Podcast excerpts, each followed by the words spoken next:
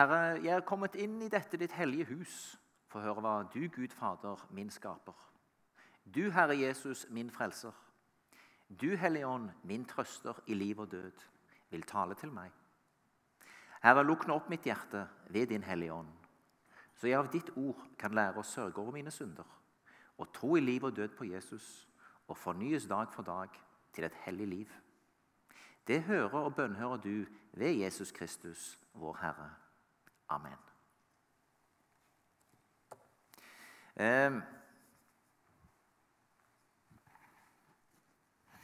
Jeg leser en del bøker.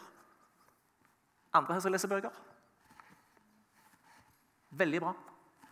Eh, han forrige ungdomslederen Jan Olav han sa at det er så ymse hvor mye vi i vår generasjon leser. Kristoffer Inge. Han leste en del, men så jeg måtte bare teste at det var noen som leste. Det er bra.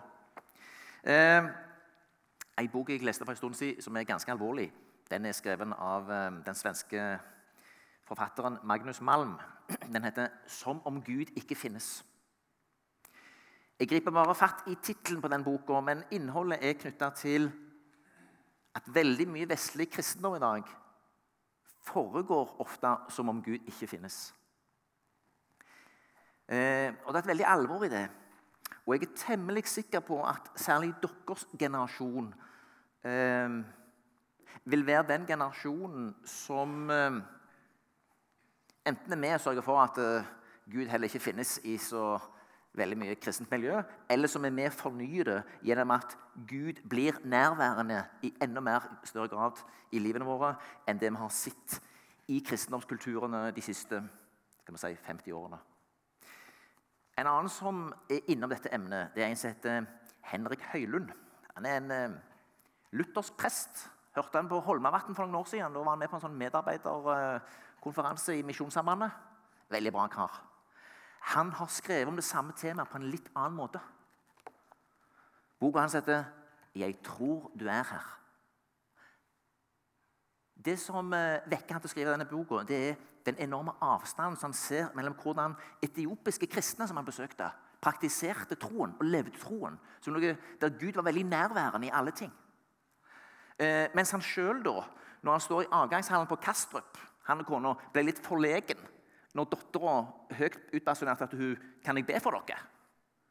Han syntes det var litt sånn huh, Var ikke helt vant med det. Eh, men eh, bare tittelen her 'Jeg tror du er her' er jo en god tittel. Og det jeg håper vi kan eh, snakke litt videre om i Salem, både i kveld og seinere, det er dette Hvordan bringer vi dette gudsnærværet enda mer bevisst inn i livene våre. Inn i alle deler av livet. Slik at det at vi tror at du er her, gjør en forskjell i, i mange ting. Vi skal altså ha for oss For det handler om en relasjon videre i kveld. Jeg introduserte disse emnene litt sist lørdag, og jeg gjentar litt. For det handler om en relasjon snakket vi om sist lørdag. Vi gjør det i kveld. Og neste lørdag er det selve finalen, for da er det han som har fått det temaet, og som er opphav til denne setningen. En kar som heter Ole Magnus Olavsrud. Prøv å få med dere eh, en del folk og tips. Han er en kapasitet. Eh, den setningen jeg husker best, som han har sagt, det er altså denne. For det handler om en relasjon. Han er veldig troverdig til å snakke om det.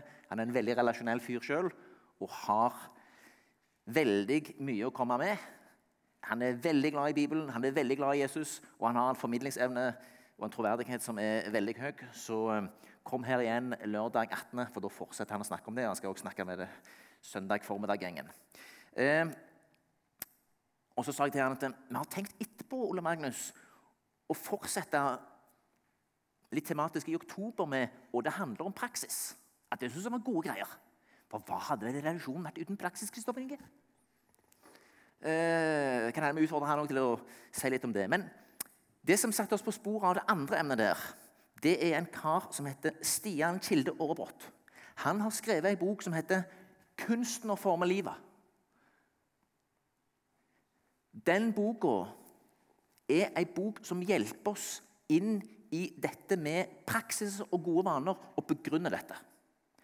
Um, det er en bok, uh, amerikansk bok som er gitt ut på norsk, som heter 'The Power of Habit'.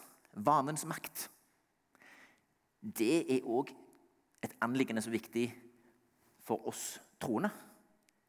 De gode vanene, de gode praksisene. Og han her, Stian Kilde Aabrot, merker jeg allerede begynner å påvirke hvordan en del kristne handler og tenker, og en del menigheter. Så jeg tror dette kommer til å bli en klassiker. Eh,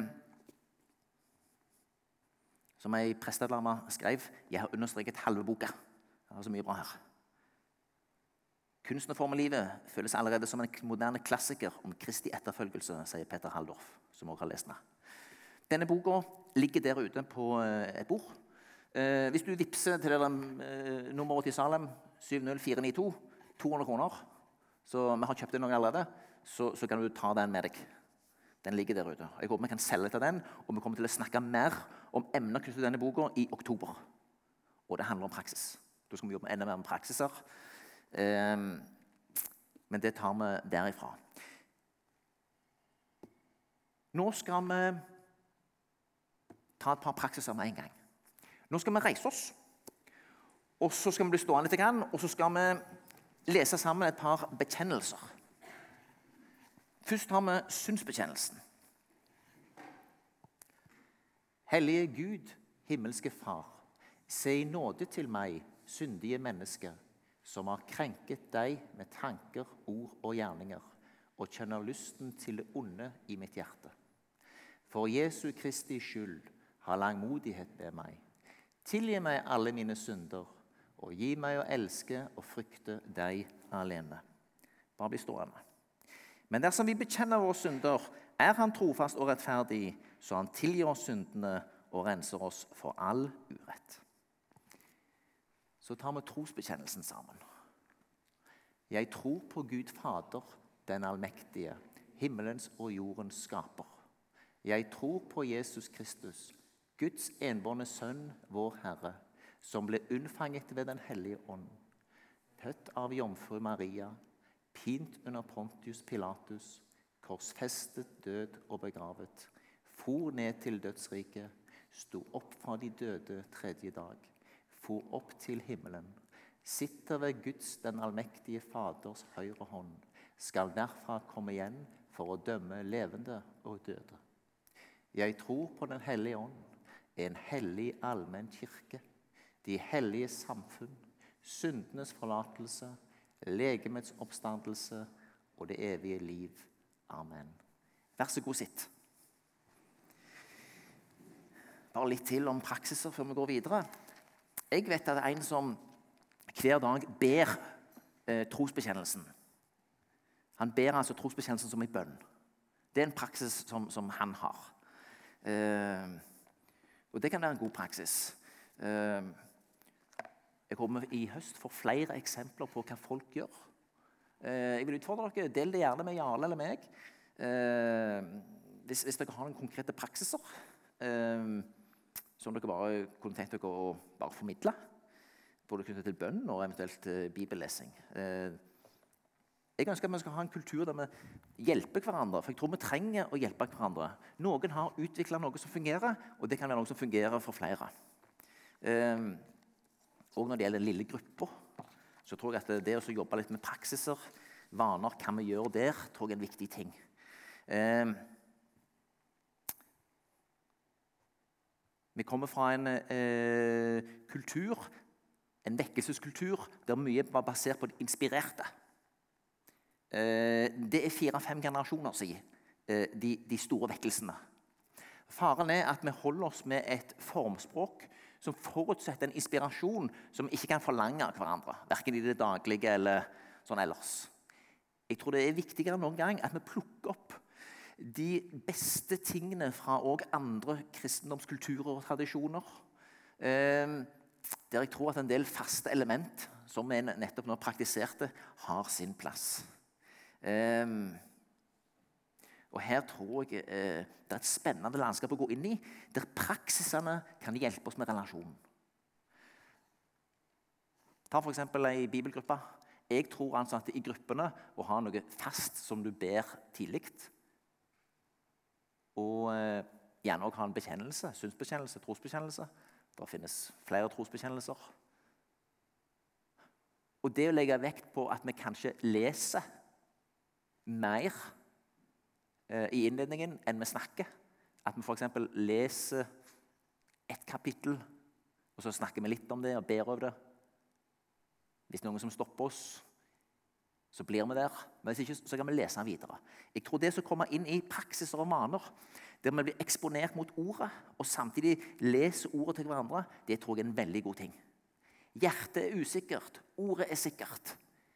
Hvis noen andre leser ordet høyt til deg, så tar du mer inn enn når du sitter og leser det alene.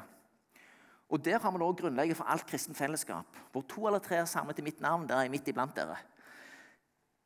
Det som er Poenget er at uh, har du én kjenning, en kristen bror eller søster, som du kan lese Bibelen sammen med, så har du kristent fellesskap. Kan dere be i tillegg sammen, uh, sammen, i tillegg, så er det kjempeflott. Det som bare kommer inn i noen sånne gode, faste rammer der du gjør en del ting, det er utrolig undervurdert. Eh, vi kommer jo fra en litt sånn inderlig kultur der eh, mye skal være i det indre. Men jeg tror det å gjøre en del ting og se hva som skjer ut ifra det, tror jeg er kjempeviktig. Se for deg et par i et ekteskap. Der det finnes en ekteskapskontrakt. Ekteskapet er altså gyldig. Se for dere at i dette ekteskapet ikke foregår noen samtale eller fellesskapsbyggende aktiviteter. De spiser sammen, de sover ikke på samme rom, men de bor i samme hus. Alle vet det, men i det daglige er det lite eller ingen interaksjon. Er dette et ekteskap, sånn som dere tenker om det? I juridisk forstand er det jo det. Men lite av det som skulle nære ekteskapet over tid, er til stede.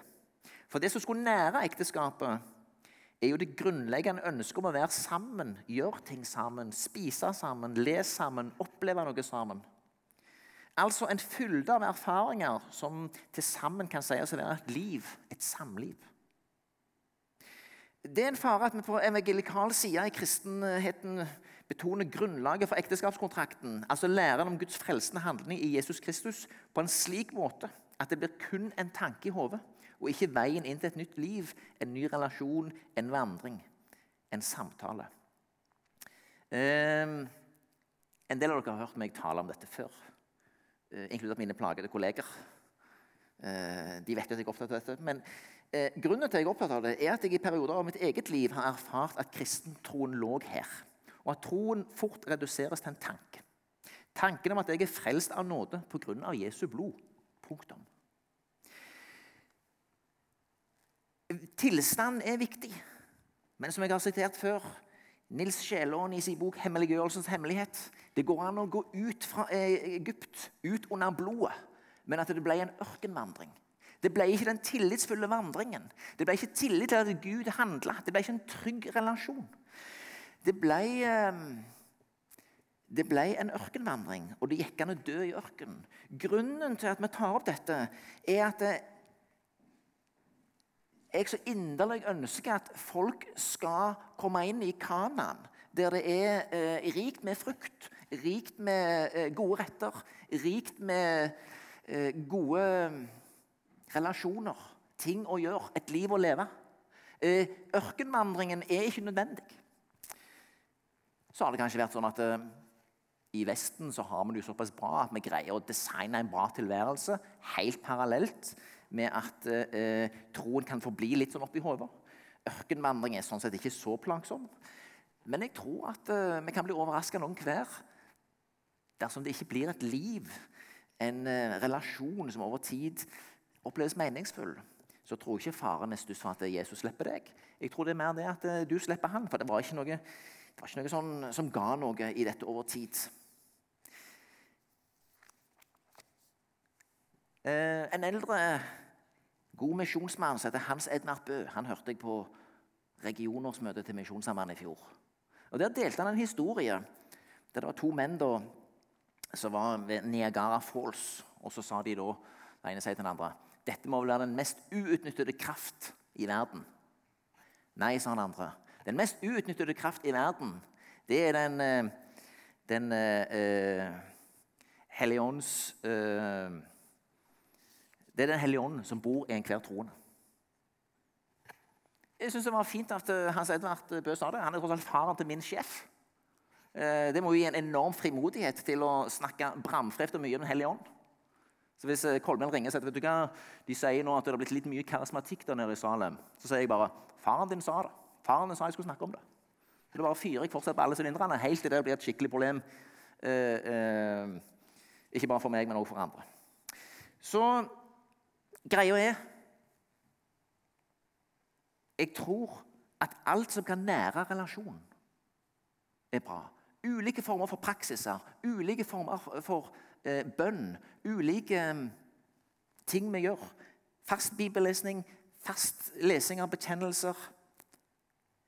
Og òg brei forkynnelse av treenigheten.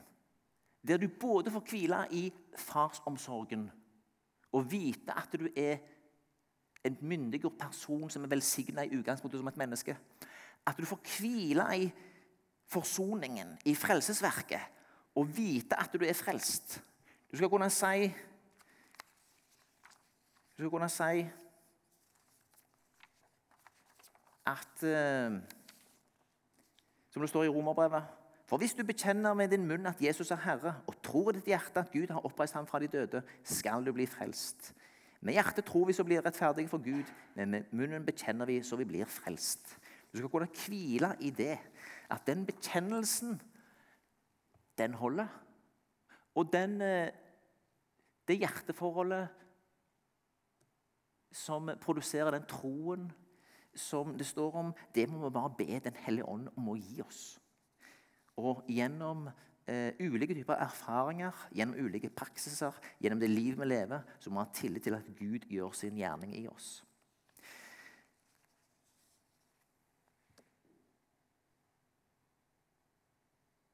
Og så er det noe med det at vi trenger denne kraften, som er mye sterkere enn kraften i vannmassen i Niagara Falls.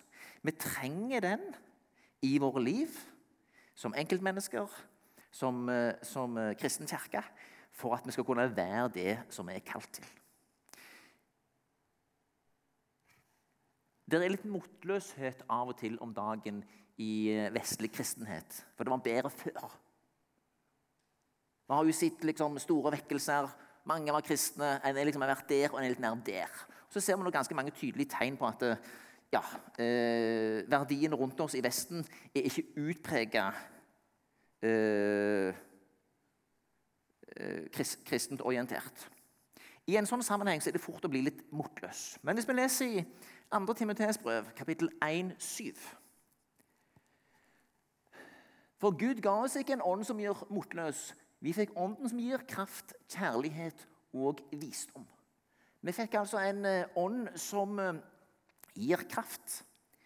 I min eh, bibel står det Gud ga oss ikke en ånd som gjør motløs, men en ånd som gir kraft, kjærlighet og sindighet. Vi har altså fått Den hellige ånd, som gir kraft. Så er det interessant videre. Når Jesus snakker til sine disipler på skjærtorsdag og trøster dem, så sier han eh, bl.a. dette fra Johannes kapittel 16. Det er det beste for dere at jeg går bort. For dersom jeg ikke går bort, kommer ikke talsmannen til dere. Men går jeg bort, kan jeg sende ham til dere. Det syns jeg er spennende. Jesus sier til dem det er bedre at jeg går bort og Den hellige ånd kommer, enn at jeg er her. Fordi den kraft som han sendte ved sin hellige ånd, den kraften kan være hos en enkelt av oss, mens Jesus som fysisk person kunne bare være én plass. Eh, jeg har da eh, noen vers til fra Johannes fra denne samtalen som Jesus har med sine disipler på skjærtorsdag. Der han lærer dem om treenigheten. Tro meg når jeg sier at jeg er i Faderen og Faderen i meg. Det er fra Johannes 14.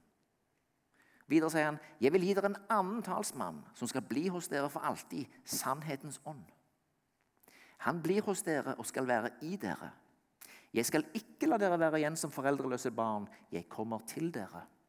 Den dagen skal dere skjønne at jeg er i min far, og at dere er i meg, og jeg i dere. De skal skjønne fullt ut at Faderen er i Jesus,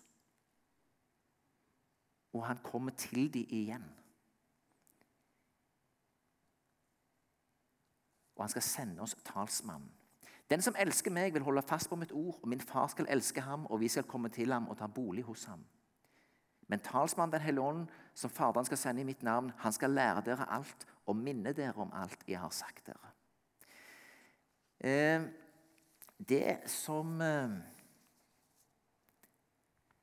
er greia her Jeg tror det er veldig viktig at vi kommer inn i det umiddelbare tillitsforholdet at Gud er her ved sin Hellige Ånd.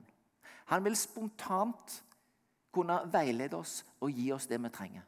Og samtidig vil han eh, eh, være til stede i disse samlingene som vi har, når vi lovsynger, når vi leser ordet, når vi bekjenner. Så eh, er, er han til stede og forklarer ordet for oss og veileder oss og trøster oss og gir oss det vi trenger. Så gjør at vi kan erfare det en relasjon. Det er mer enn god stemning. Det er at Gud er her. Han har kommet ned ved sin Hellige Ånd. Faderen, Sønnen og Den hellige ånd er til stede. Og siden de er fellesskap, så modellerer de òg hva Gud ønsker. For Gud ønsker at vi skal møte Han i fellesskapet. Ikke som ensomme vestlige individualister, men mennesker som søker sammen. To og to, tre, fire, fem, sju, ti Eller sånn som nå ganske mange. Han ønsker å ha oss der i, uh, i relasjon. Jesus sier altså følgende Han er i Faderen. Faderen er i Han.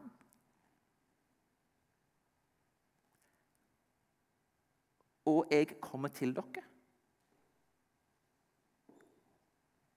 Og den dagen skal dere skjønne at jeg er min far, og at dere er i meg, og jeg i dere. Det betyr vi har fått Gud inni oss. Fader, Sønn og Hellig Ånd bor i oss. Vi skal komme til ham og ta bolig hos ham. Talsmannen skal lære dere alt og minne dere om alt. Dette er et enormt løfte. Hva sier Jesus videre? Han sier altså at Den hellige ånd, den er kraft.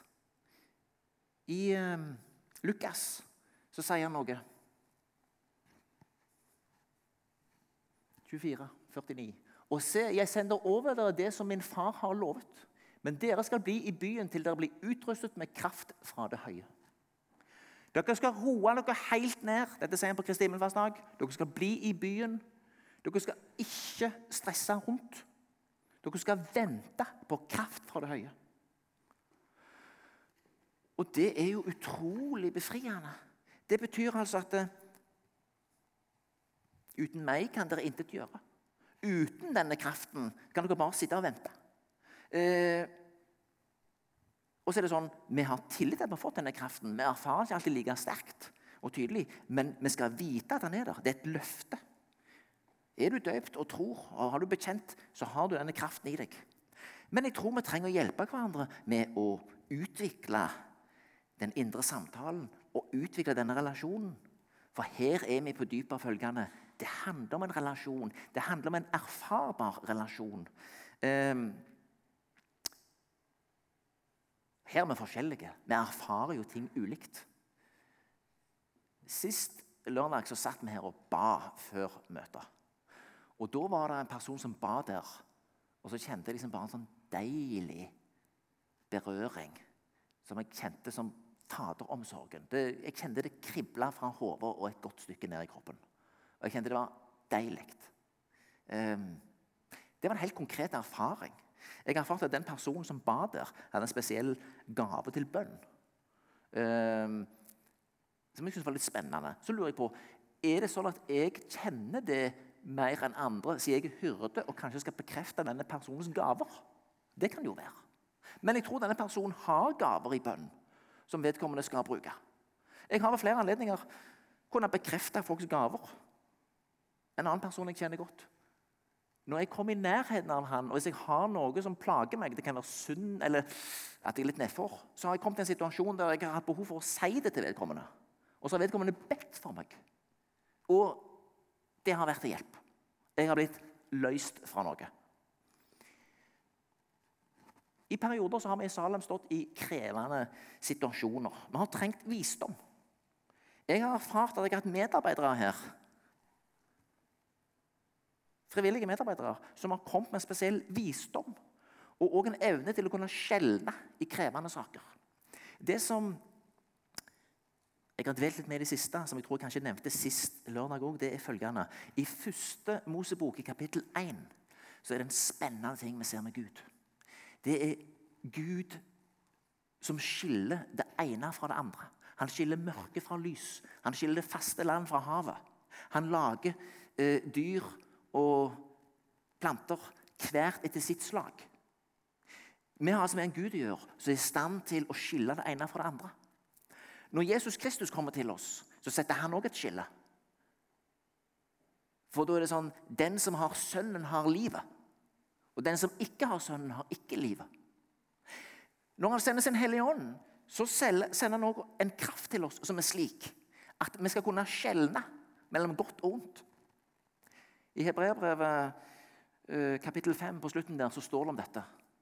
Der står det Forfatteren anklager de for å bli så treige til å høre. Mente de burde vært mer modne enn som så. Så sier han eh, Men de modne, det er de som eh, har lært seg til, eh, ved å bruke sine sanser, har lært seg til å skille mellom godt og ondt.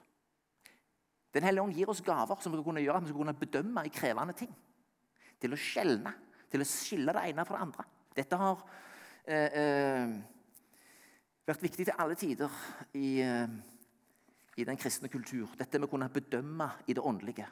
Jeg har erfart at vi har vært i situasjoner i Salem der vi har hatt behov for det. Uh, og jeg tror det blir viktigere framover. Jeg tror det blir viktigere og viktigere at det er en ærlig, ekte relasjon. Fordi det der den sosiale pakken uh, vil ha begrenset verdi for deres generasjoner nedover hvis det ikke fungerer i praksis. Jeg erfarer litt sånn som dette herrene. Jeg snakker, snakker litt i sjablonger her, men kanskje en generasjon som har gått litt foran meg, sier at mm, mm, vi lever i det lutherske. Det er en tilstand. Det er min tilstand i Kristus. Så sier kanskje min generasjon litt mer ah, det handler om en relasjon. Og så tror jeg kanskje at uh, dere litt yngre vil si hvordan fungerer det i praksis? Jeg tror at det framover vil være sånn for mange. Det må fungere i praksis. Det må være en erfarbar, reell relasjon, et liv, for at det skal være noe som over tid bærer. Og Da tror jeg at å hjelpe hverandre i praksisene og hjelpe hverandre å åpne for en samtale konkret om gudsnærværet, relasjonen, samtalen, bønnen og hva det åndelige livet er, i smått og stort, det tror jeg er viktig. Og jeg tror Det er viktig at vi deler erfaringer med hverandre. At vi snakker om disse tingene. Fordi, som jeg siterte sist òg, Apostelgjerningen kapittel 17, vers 27 Der sier Paulus til de på Europagos noe om at eh, Gud eh, lar seg føle og finne. Han er erfarbar. Du kan merke han.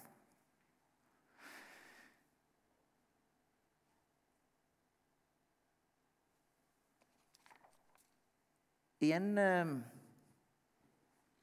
så er det dette med en hellige ånd viktig. Vi tar et vers til fra 1. Johannes kapittel 5. Hvem andre seirer over verden enn den som tror at Jesus er Guds sønn? Han, Jesus Kristus, er den som kom gjennom vann og blod. Ikke bare med vannet, men med vannet og blodet. Og Ånden selv er vitne, fordi Ånden er sannhet. Jesus sier også i Johannes 16, vers 13.: Men når Han kommer, sannhetens ånd, skal Han veilede dere til den fulle sannhet. Den hellige ånd er sannhetens ånd. Og dette er veldig konkret og veldig erfarbart. Hvis du er et troende menneske, og hvis du ber sammen med en annen person, kanskje i bønn og faste, så tror jeg Ikke bare tror, jeg har erfart at Gud veileder oss i konkrete spørsmål, i konkrete dilemmaer, i konkrete veikryss der en skal ta valg, der du lurer på noe.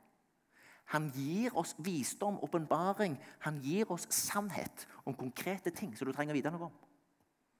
Ja, sannhetens ånd har først og fremst vist oss den sanne. Jesus Kristus. At han er den sanne Gud og den eneste veien til Faderen. Han har vist oss og åpenbart Jesus for oss. Og Samtidig så vil han vise oss viktige ting for vandringen, som gjør at det, det blir et liv, det blir en erfarbar dimensjon. Det er ikke slik at fordi om du begynner å erfare mer av disse tingene, her, så vil du bli la oss si, i en sånn situasjon der du, der du tror at du ikke trenger Gud. At du ikke trenger Jesus Kristus og nåden i Han. Min erfaring er vel mer at jeg blir mer var for når du blir invitert inn i det hellige. At wow, det må ikke være noen del av mitt liv der jeg ikke lever i lyset. For Den hellige ånd er sannhetens ånd. Og Hvis jeg ikke lever i sannheten og bekjenner, så er det vanskelig å eh, ha denne åpne relasjonen der sannhetens ånd kan få strømme i meg, og jeg kan få erfare det livet vi er kalt til å leve. Hvordan kommer vi hit? Jeg tror at vi kommer dit gjennom både å samtale om det, gjøre hverandre bevisste på det og be over det. Vi leser litt videre i 1. Johannes 5. Dette har jeg skrevet til dere for at dere skal vite at dere har evig liv, dere som tror på Guds sønns navn. Og dette er vår frimodige tillit til ham, at han hører oss når vi ber om noe som er etter hans vilje. Og når vi vet at han hører oss, hva vi enn ber om, så vet vi at vi allerede har det vi har bedt om. I den oversettelsen som jeg har, står det på en litt annen måte. I vers 14 der så står det Og denne frimodige tillit har vi til ham, at han hører oss når vi ber om noe som er etter hans vilje. Jeg liker den der begynnelsen der. Og denne frimodige tillit har vi til ham at han hører. Det kommer inn i den frimodige tilliten, at han hører oss. Uh, videre Johannes 14, vers 13-14. Det dere ber om i mitt navn, vil jeg gjøre, så Faderen skal bli forherliget gjennom Sønnen. Dersom dere ber meg om noe i mitt navn, vil jeg gjøre det. Johannes 16. Hvis dere ber Faderen om noe, skal han gi dere det i mitt navn. Hittil har dere ikke bedt om noe i mitt navn. Be, og dere skal få, så deres glede kan være fullkommen. Jeg tror ikke det er noen bønner som Gud ønsker mer å besvare enn bønner av typen Herre, jeg ønsker å erfare mer av ditt nærvær. Jeg ønsker å ha større tillit til deg. Jeg ønsker å komme inn i en dypere samtalerelasjon til deg. Jeg ber, Herre, åpenbar deg for, for meg. Vis deg Vis meg en vei inn i dette landskapet. Um, Hebreerne 11,6 b. Den som trer fram for Gud, må tro at han er til, og at han lønner den som søker han. Vi må ha tillit til at Gud lønner den som søker han, og ønsker å komme inn mer i erfaringsdimensjonen og relasjonen. Vi må hjelpe hverandre gjennom praksiser. Vi må, vi må hjelpe hverandre i det daglige til å kunne leve ut dette livet. For det handler om en relasjon. Vi avslutter med en tekst fra Lukas.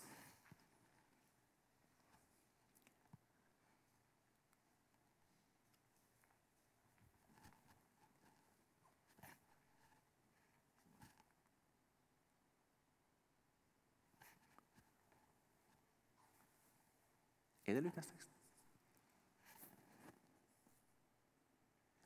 Ja, bare ta den vekk, så skal jeg bare lese den. Kan jeg blingse litt? Be, så skal dere få. Let, så skal dere finne. Bank på, så skal det lukkes opp for dere. For den som ber, han får. Og den som leter, han finner. Og den som banker på, blir det lukket opp for. Eller er det noen av dere som vil gi sin sønn en stein når han ber om brød? Eller gir ham en orm når han ber om en fisk? Når selv dere som er onde, vet å gi barna gode gaver, hvor mye mer skal ikke da den far dere har i himmelen, gi gode gaver til den som ber ham? Han ber oss om å tre fram for ham og be ham om noe. Han oppfordrer oss. Jesus ber oss om å be han om noe.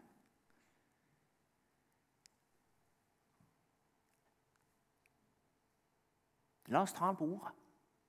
La oss be om at uh, vi erfarer mer av han, at vi ser han tydeligere. At vi ser tydeligere de sporene eh, eh, av det han allerede har gjort i vårt liv. Alle de velsignelser vi har fått. Glem ikke alle hans velgjerninger. Og vi kan stole på at han vil svare oss. For det er allerede en relasjon i bånd der. Han vil oss vel, han vil handle med oss, han vil gi oss et liv, et samliv som er verdt å leve. Vi ber litt. Herre, takk for dine løfter. Takk Herre, for at du har sendt oss Din Hellige Ånd. Takk for at du er her midt iblant oss. Takk for at du vil ha en levende samtale med hver enkelt av oss. Herre, nå ber jeg om at du eh, hjelper oss til å utvikle denne samtalen, denne relasjonen. Herre, så ber jeg om at du eh, jobber med oss på den måten som hver enkelt trenger. Herre, du ser noen er slitne, og trenger både å hvile trenger mer kraft fra deg. Noen her har iver og vil bare erfare mer med deg. Herre, Jeg ber om at du gir hver enkelt det de trenger. Jeg ber om at du hjelper oss denne høsten til å se mer av hva det er å ha en relasjon med deg. Og jeg ber om at du hjelper oss med ulike måter å nære denne relasjonen på. Herre, vi legger Salem Ung og hele forsamlingen i dine hender. Gi oss videre en god kveld. Amen.